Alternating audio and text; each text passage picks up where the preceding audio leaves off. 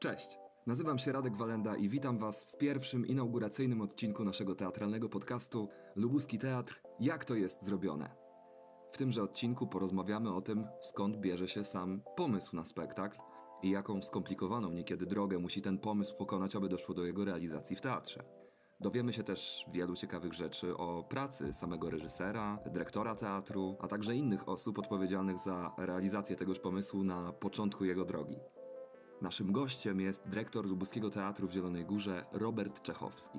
Panie dyrektorze, jest pan dyrektorem Lubuskiego Teatru, ale też, czy może przede wszystkim, także reżyserem, aktorem, artystą teatru.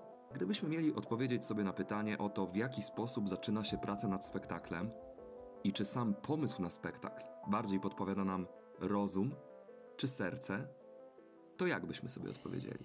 No, w ogóle nasza dziedzina to jest ciągłe lawirowanie między rozumem a sercem, ale tu jest bardzo dużo e, zagadnień w tym, w tym jednym pytaniu, bo trzeba pamiętać, że e, rzadko zdarza się taka sytuacja, w której e, reżyser ma mm, swoje marzenia.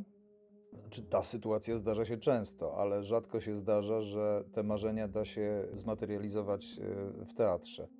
I bardzo rzadko zdarza się taka sytuacja, że dzwoni dyrektor teatru i mówi: Panie Krzysztofie, panie Marku, panie Radku, moim marzeniem jest, żeby pan z moim zespołem e, pracował. E, może pan zrealizować, co pan tylko chce. Bardzo nikła jest szansa na, na coś takiego, aczkolwiek się zdarza.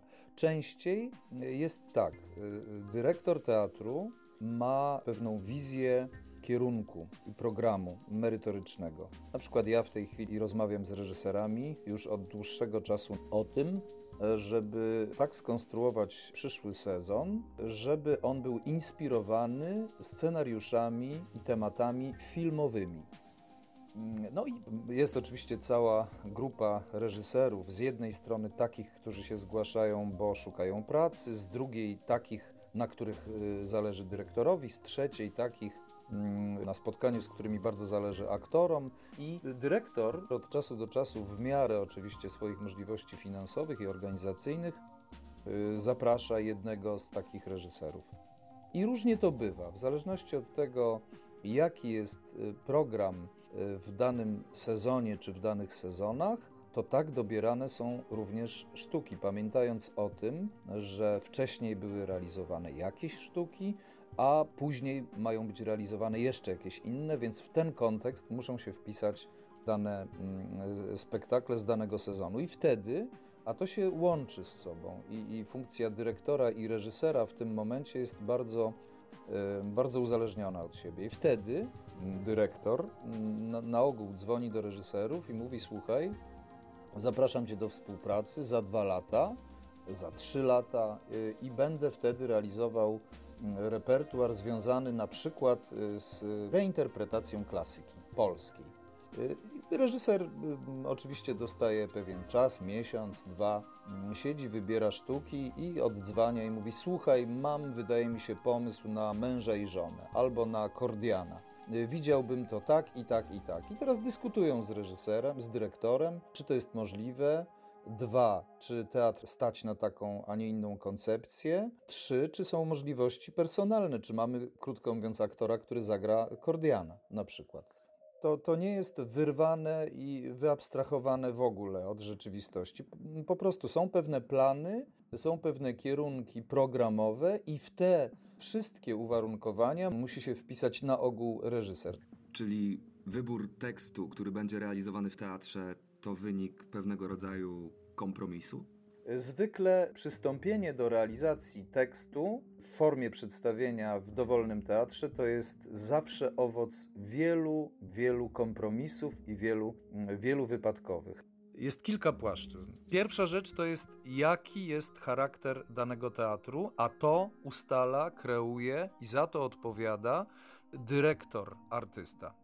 Druga rzecz to jest płaszczyzna reżyserska, czyli dostałem propozycję na przykład realizacji mm, La Strady Felliniego, ale to ja wymyślam koncepcję interpretacji tego utworu. No i trzecia rzecz, która gdzieś między, ty, ta trzecia płaszczyzna, która się rodzi między tymi dwiema, tą dyrektorską wizją prowadzenia teatru, wizją interpretacji danego utworu e, reżysera, możliwości finansowe, organizacyjne, personalne. No właśnie, personalne. Skoro mamy już tekst, mamy reżysera, no to automatycznie nasuwa się pytanie o aktorów. W jaki sposób zazwyczaj przebiega proces wybierania obsady do spektaklu?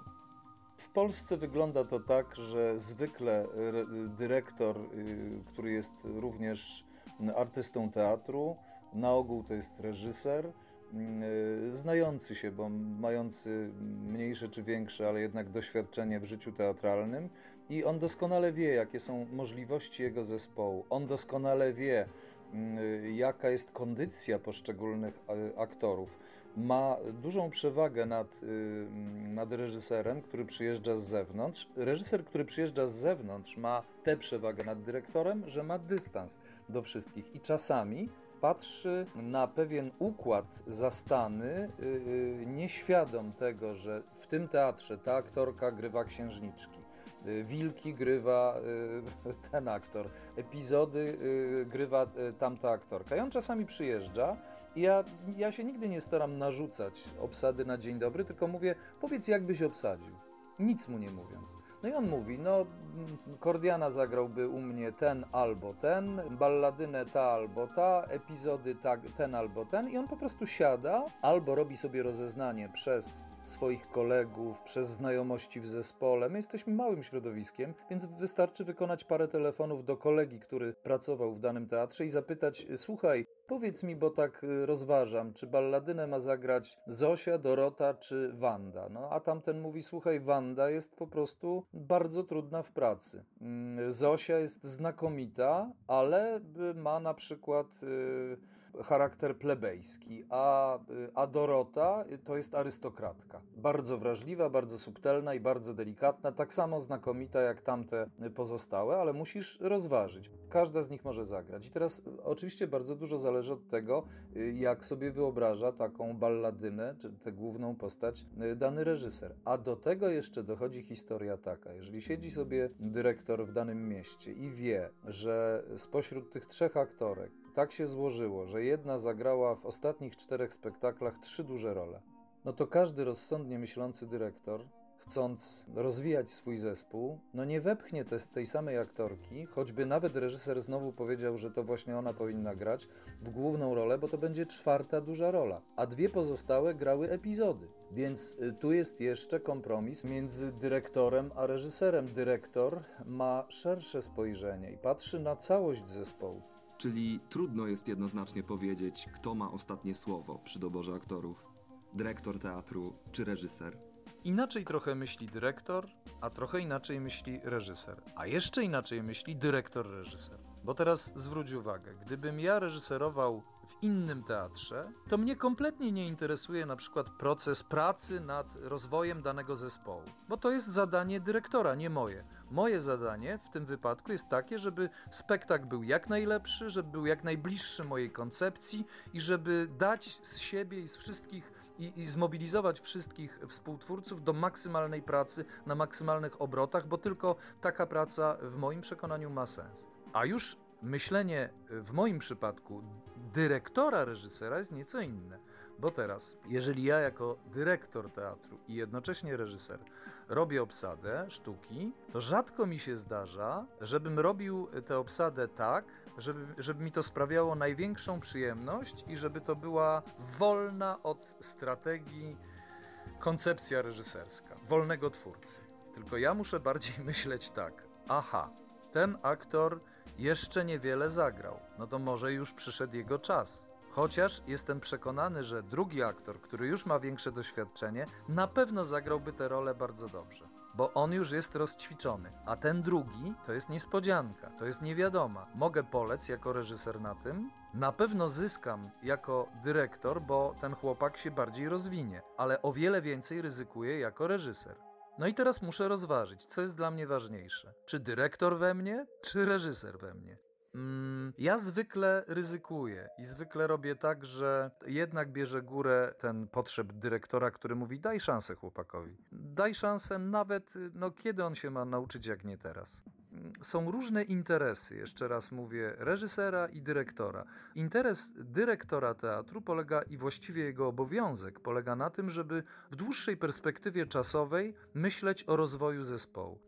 To jest, to jest nie, niebywały proces, bo tu trzeba być też niebywałym strategiem, dyplomatą, psychologiem, nauczycielem, przyjacielem, yy, księdzem. Brzmi to wszystko wielowymiarowo, skomplikowanie i wydaje się, że wymaga bardzo dużej odpowiedzialności. Czy reżyser spoza teatru ma w takim razie łatwiej? Nas uczono, przynajmniej w, w, krakowskiej szkole teatralnej na Wydziale Reżyserii Dramatu, że jak już dostaniesz propozycję od y, dyrektora albo uda ci się podpisać umowę y, na dany projekt, to pracuj w sposób następujący. Jakbyś nie miał żadnych ograniczeń, jakbyś miał Gajosa do głównej roli z jednej strony, jakbyś miał nieograniczone możliwości finansowe, jakby dyrektor był bardzo tolerancyjny i życzliwy i nie przychodził na próby i nie mieszał aktorom w głowach, Załóż taką sytuację idealną, która się nie zdarza. I w ten sposób, myśląc, że nie masz żadnych ograniczeń, ustal swoją koncepcję prowadzenia mm, spektaklu, swoją wizję interpretacji y, danego mm, y, utworu. A potem schodź na ziemię. Goliński, profesor świętej pamięci, fantastyczny facet, dawał nam taki przykład. Mm, wyobraź sobie na początek, że zanim się zacznie, nie wiem, spektakl Kordian, rozjeżdża się dach, wlatują trzy helikoptery, które fruną nad widzami. Z tych helikopterów wypadają aktorzy na spadochronach y, i w powietrzu zaczynają pierwszą scenę. Y, skończy się to tym, że aktor z balkonu rzuci trzy złożone z gazety samolociki.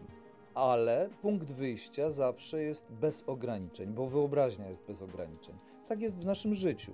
I, i, I, to jest najpiękniejsze w życiu, że właśnie z jednej strony mamy, i to jest fantastyczne w teatrze, a to się pięknie przekłada na życie, że z jednej strony stymuluje nas do jakiegokolwiek ruchu i działania, mm, stymulują nas nasze marzenia, nasze plany, a z drugiej strony to szorstkie, czasami bardzo wulgarne mm, i szare życie ściąga nas y, na ziemię i weryfikuje te plany. I teraz wszystko zależy od naszej siły, od szczęścia, od otoczenia, e, od sytuacji. Dobrze, no i co dalej? Mamy już pomysł reżysera, akceptację dyrekcji teatru, mamy aktorów. W następnej kolejności chyba należałoby przystąpić do wyboru współtwórców przedstawienia.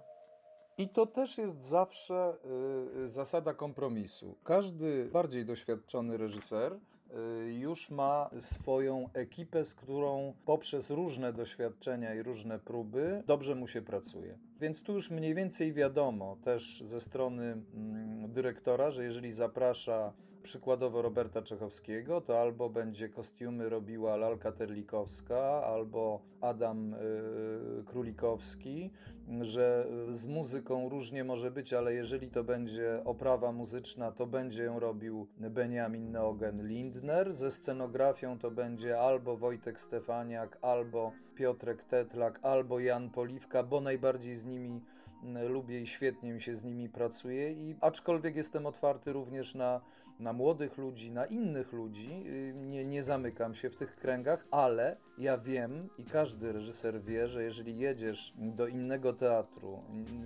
nie mamy komfortowych warunków, że pracujesz sobie, nie wiem, pół roku, tylko musisz intensywnie, mocno pracować, nie masz czasu na eksperymentowanie, szukanie koncepcji. Musisz być przygotowany na tyle, na ile możesz być przygotowany i mieć ludzi bardzo skutecznych w działaniu. Ja już nie mogę tracić czasu na mm, siedzenie po nocach y, miesiącami, żeby wybrać muzykę, bo ja wiem, że Benny zna mój gust, ja znam gust Benego, znamy się na tyle, że wiemy, że, że tu czasami wystarczy jedno zdanie i on mi przynosi pięć propozycji, z czego trzy są znakomite. I tylko wybieramy jedną, jedną z nich. Ale y, chcę powiedzieć o całym procesie, jak, jak to wszystko przebiega. Ja przychodzę i mam pewną koncepcję prowadzenia spektaklu, ale y, zawsze zakładam, a to jest bardzo różne podejście różnych, różnych reżyserów. Są tacy, którzy wyłącznie improwizują albo wyłącznie bazują na propozycjach aktorów, albo nie mają kompletnie nic do powiedzenia i tacy się zdarzają. Albo są tacy, którzy są apodyktyczni, narzucają od A do Z wszystko i aktor nie ma, ma być wykonawcą, mm, po prostu instrumentem w jego rękach. Ja wychodzę z założenia następującego. Moja koncepcja, moje myślenie to jest moje myślenie, ale to jest tylko punkt wyjścia. Dla mnie każdy współtwórca, od scenografa przez kompozytora, projektanta y, kostiumów, aktora, jest na równych prawach współtwórcą. I nigdy, y, przynajmniej staram się tak robić, nigdy nie pomijam propozycji, choćby one się kompletnie mijały z moją koncepcją tych poszczególnych współtwórców. Czasami aktor, kompletnie nieświadom tego, w jaką stronę to zmierza, bo jeszcze nie zna koncepcji y, reżysera, bo jeszcze albo nie rozumie jej, albo się z nią nie zgadza, do czego ma pełne prawo, mm, y, wykonuje bezwiednie fantastyczny y, gest, którego nigdy w życiu by żaden reżyser nie wymyślił. I otwarty reżyser mówi: Tak, trzymaj to, na tym buduj. I to jest przepiękne w tym procesie twórczym, że on jest właśnie twórczy, a nie odtwórczy, że to jest zawsze spotkanie wszystkich współtwórców danego projektu. I to się musi rodzić pomiędzy. Dlatego ja zawsze staram się tak dobierać aktorów i tak dobierać skład współpracowników, żeby to się dopełniało wszystko. Oczywiście jest w polskiej koncepcji teatru jest jeden dowódca, to jest reżyser. On y, wyznacza kierunek, i on prowadzi całą wojnę, ale poszczególne bitwy staczają poszczególni współtwórcy. I to jest ogromnie ważny proces, żeby zostawić im sporą dozę wolności i przyjemności z współtworzenia e, danego projektu. Okej. Okay. Zostańmy w takim razie przy reżyserii. Jest pan w trakcie pracy nad Orzenkiem Gogola w naszym teatrze. Premiera miała odbyć się w marcu, jednak ze względu na epidemię została przesunięta na inny termin. Proszę powiedzieć, nawiązując do tego, o czym mówiliśmy, skąd wziął się u Pana pomysł na ożenek? Dlaczego właśnie ta sztuka? O czym chciałby Pan w ten sposób powiedzieć widzowi i czym dla Pana jest gogolowski ożenek? Tu też y, znowu wracamy do tego, jaki jest charakter poszczególnych sezonów. Ostatni sezon był przeze mnie zaplanowany w ten sposób, że postanowiłem y, zrobić taki sezon, półtora sezonu z uśmiechem. Wybraliśmy kilka e, różnych tematów. E, był Zielony Gil, byli szczęściarze i wybrałem, e, bo to było jedno z moich marzeń, zmierzenie się z kapitalną już komedią mm, gogolowską z Orzenkiem, ale również patrząc na ten Orzenek, wiedziałem, że jak zwykle zadam sobie trzy podstawowe pytania o czym Orzenek napisał i po co go napisał Gogol w tamtych czasach. Dwa, co dzisiaj ten Orzenek może znaczyć jak ten problem wygląda dzisiaj, którego dotykał Gogol w tamtych czasach. I trzy, co ja z twórcami będę chciał współczesnemu widzowi powiedzieć, biorąc ten tekst na tapetę. Ja na przykład jako dyrektor, ale również jako reżyser, od wizyty starszej pani staram się w bardzo świadomy sposób wybierać takie teksty, które głównie pokazują bohaterów w małych miejscowościach, e, bohaterów, nazwijmy to, pospolitych, którzy jednakowoż zadają sobie bardzo fundamentalne, filozoficzne, ontologiczne pytania. Skąd pochodzę? Dokąd zmierzam, kim jestem, po co żyję i co to jest ta Moskwa, ten Peter, ten Petersburg. Bo pamiętam, że my żyjemy w cudownym, pięknym, niedużym mieście, przepięknie położonym, gdzie się żyje fantastycznie. Żyjemy w Polsce, która nie jest epicentrum Europy, ani Europa nie jest epicentrum świata, więc y, tak zwana prowincja z wszelkimi konsekwencjami, plusami i minusami tego pojęcia jest w nas wpisana fundamentalnie. I moim punktem wyjścia i w reżyserii, i w dyrekcji, w doborze mm, różnego typu przedstawień i kierunku naszego teatru jest, y, y, jest utwór y, Zbigniewa Herberta i cały jego tomik o panu Kogito. Takiego zwykłego Everymana, których jest nas 90%. I to są nasze problemy. I to jest generalnie mój kierunek. I teraz, jeżeli e, sięgam już po ten ożenek, no to najpierw czytam wszystkie opracowania możliwe, yy, interesujące. Proszę dział literacki, żeby mi znaleźli najciekawsze interpretacje, yy, na przykład w polskim teatrze i w światowym teatrze. Znajduję różnego rodzaju opracowania literackie, o czym Gogol to pisał, jak to oceniano w, w Rosji, dlaczego car wstał i wyszedł, y, trzaskając drzwiami w czasie premiery, oburzony, dlaczego stwierdzono, że to jest chłam, że to jest żadna komedia. Co to za komedia, która w sumie się smutno kończy? Komedia się powinna kończyć wesoło, ale to jest komedia gogolowska, to są gorzkie komedie, to są smutne komedie. I teraz, jak przeczytałem sobie te interpretacje, przypomniałem sobie fragmenty spektakli i wczytywałem się, wgryzałem się w tekst, no to za zacząłem sobie zadawać pytanie, czym jest ten ożenek? Czym jest proces y, żenienia się bądź wychodzenia za mąż? I y, zacząłem się przyglądać całemu temu światu, y, przypominając sobie swoje doświadczenia, światu y, garniturów, sukien ślubnych, mm, bielizny ślubnej, rytuałów ślubnych, obrączek, zwyczajów, tradycji polskich, rosyjskich itd. Tak I wybierając współtwórców, prosiłem ich o jedno. Pamiętajcie, robimy to dzisiaj, współcześnie, ale odbijamy się od klasycznej Rosji.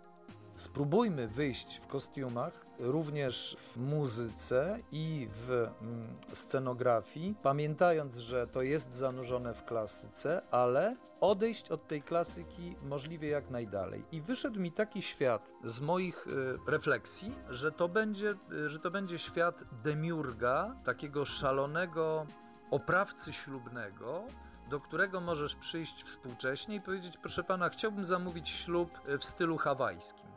Proszę bardzo. I on ci od bielizny przez wszystkie atrybuty, muzykę, yy, dobór jedzenia na weselu ułoży cały rytuał ślubny w stylu hawajskim. I pomyślałem dalej. A gdyby tak przyjąć takie założenie, że znudzony Pan Bóg siedzi sobie na górze i chcąc przez chwilę się rozerwać, trochę kosztem ludzi, schodzi na ziemię, zawieszony między jedną a drugą płcią i mówi: dopełniajcie się, żeńcie się, wychodźcie za mąż, ulegajcie procesowi swatania, dopełniajcie się, czyli połówka niech szuka drugiej połówki, cokolwiek by to znaczyło. I teraz w dzisiejszych czasach na przykład dopełnianie płci jest problemem dosyć skomplikowanym, bo yy, dzisiaj wcale nie jest powiedziane, że to dopełnianie się to musi być dopełnianie między nim a nią. Nie oceniam tego w żaden sposób, tylko przyglądam się, jak ten świat się zmienia, bo to jest jedno z naszych zadań, nas artystów, intuicyjnie postrzegać ten świat i próbować próbować go pokazywać, a naukowcy są po to, żeby to opisywać wykorzystując w dużym stopniu racjonalne myślenie. My jesteśmy ludźmi kierującymi się intuicją, przeczuciem, wyobraźnią, wrażliwością, poczuciem humoru, swoją inteligencją, swoim doświadczeniem, ale głównie wykorzystujemy emocje i wyobraźnię, i intuicję i przeczucie, a naukowcy wkładają w to swoje zimne, chłodne, racjonalne kalkulacje. I teraz konsekwentnie chcę, chcę Ci opowiedzieć o tym procesie dochodzenia do interpretacji orzenku. Wyszedłem z założenia, że tu nie ma żadnych samowarów i saloników, bo sztuka orzenek dzieje się tak naprawdę w dwóch miejscach. To znaczy w saloniku y, naszego głównego bohatera i w saloniku naszej głównej bohaterki, którzy się mają y, z sobą y, zbliżyć i pobrać.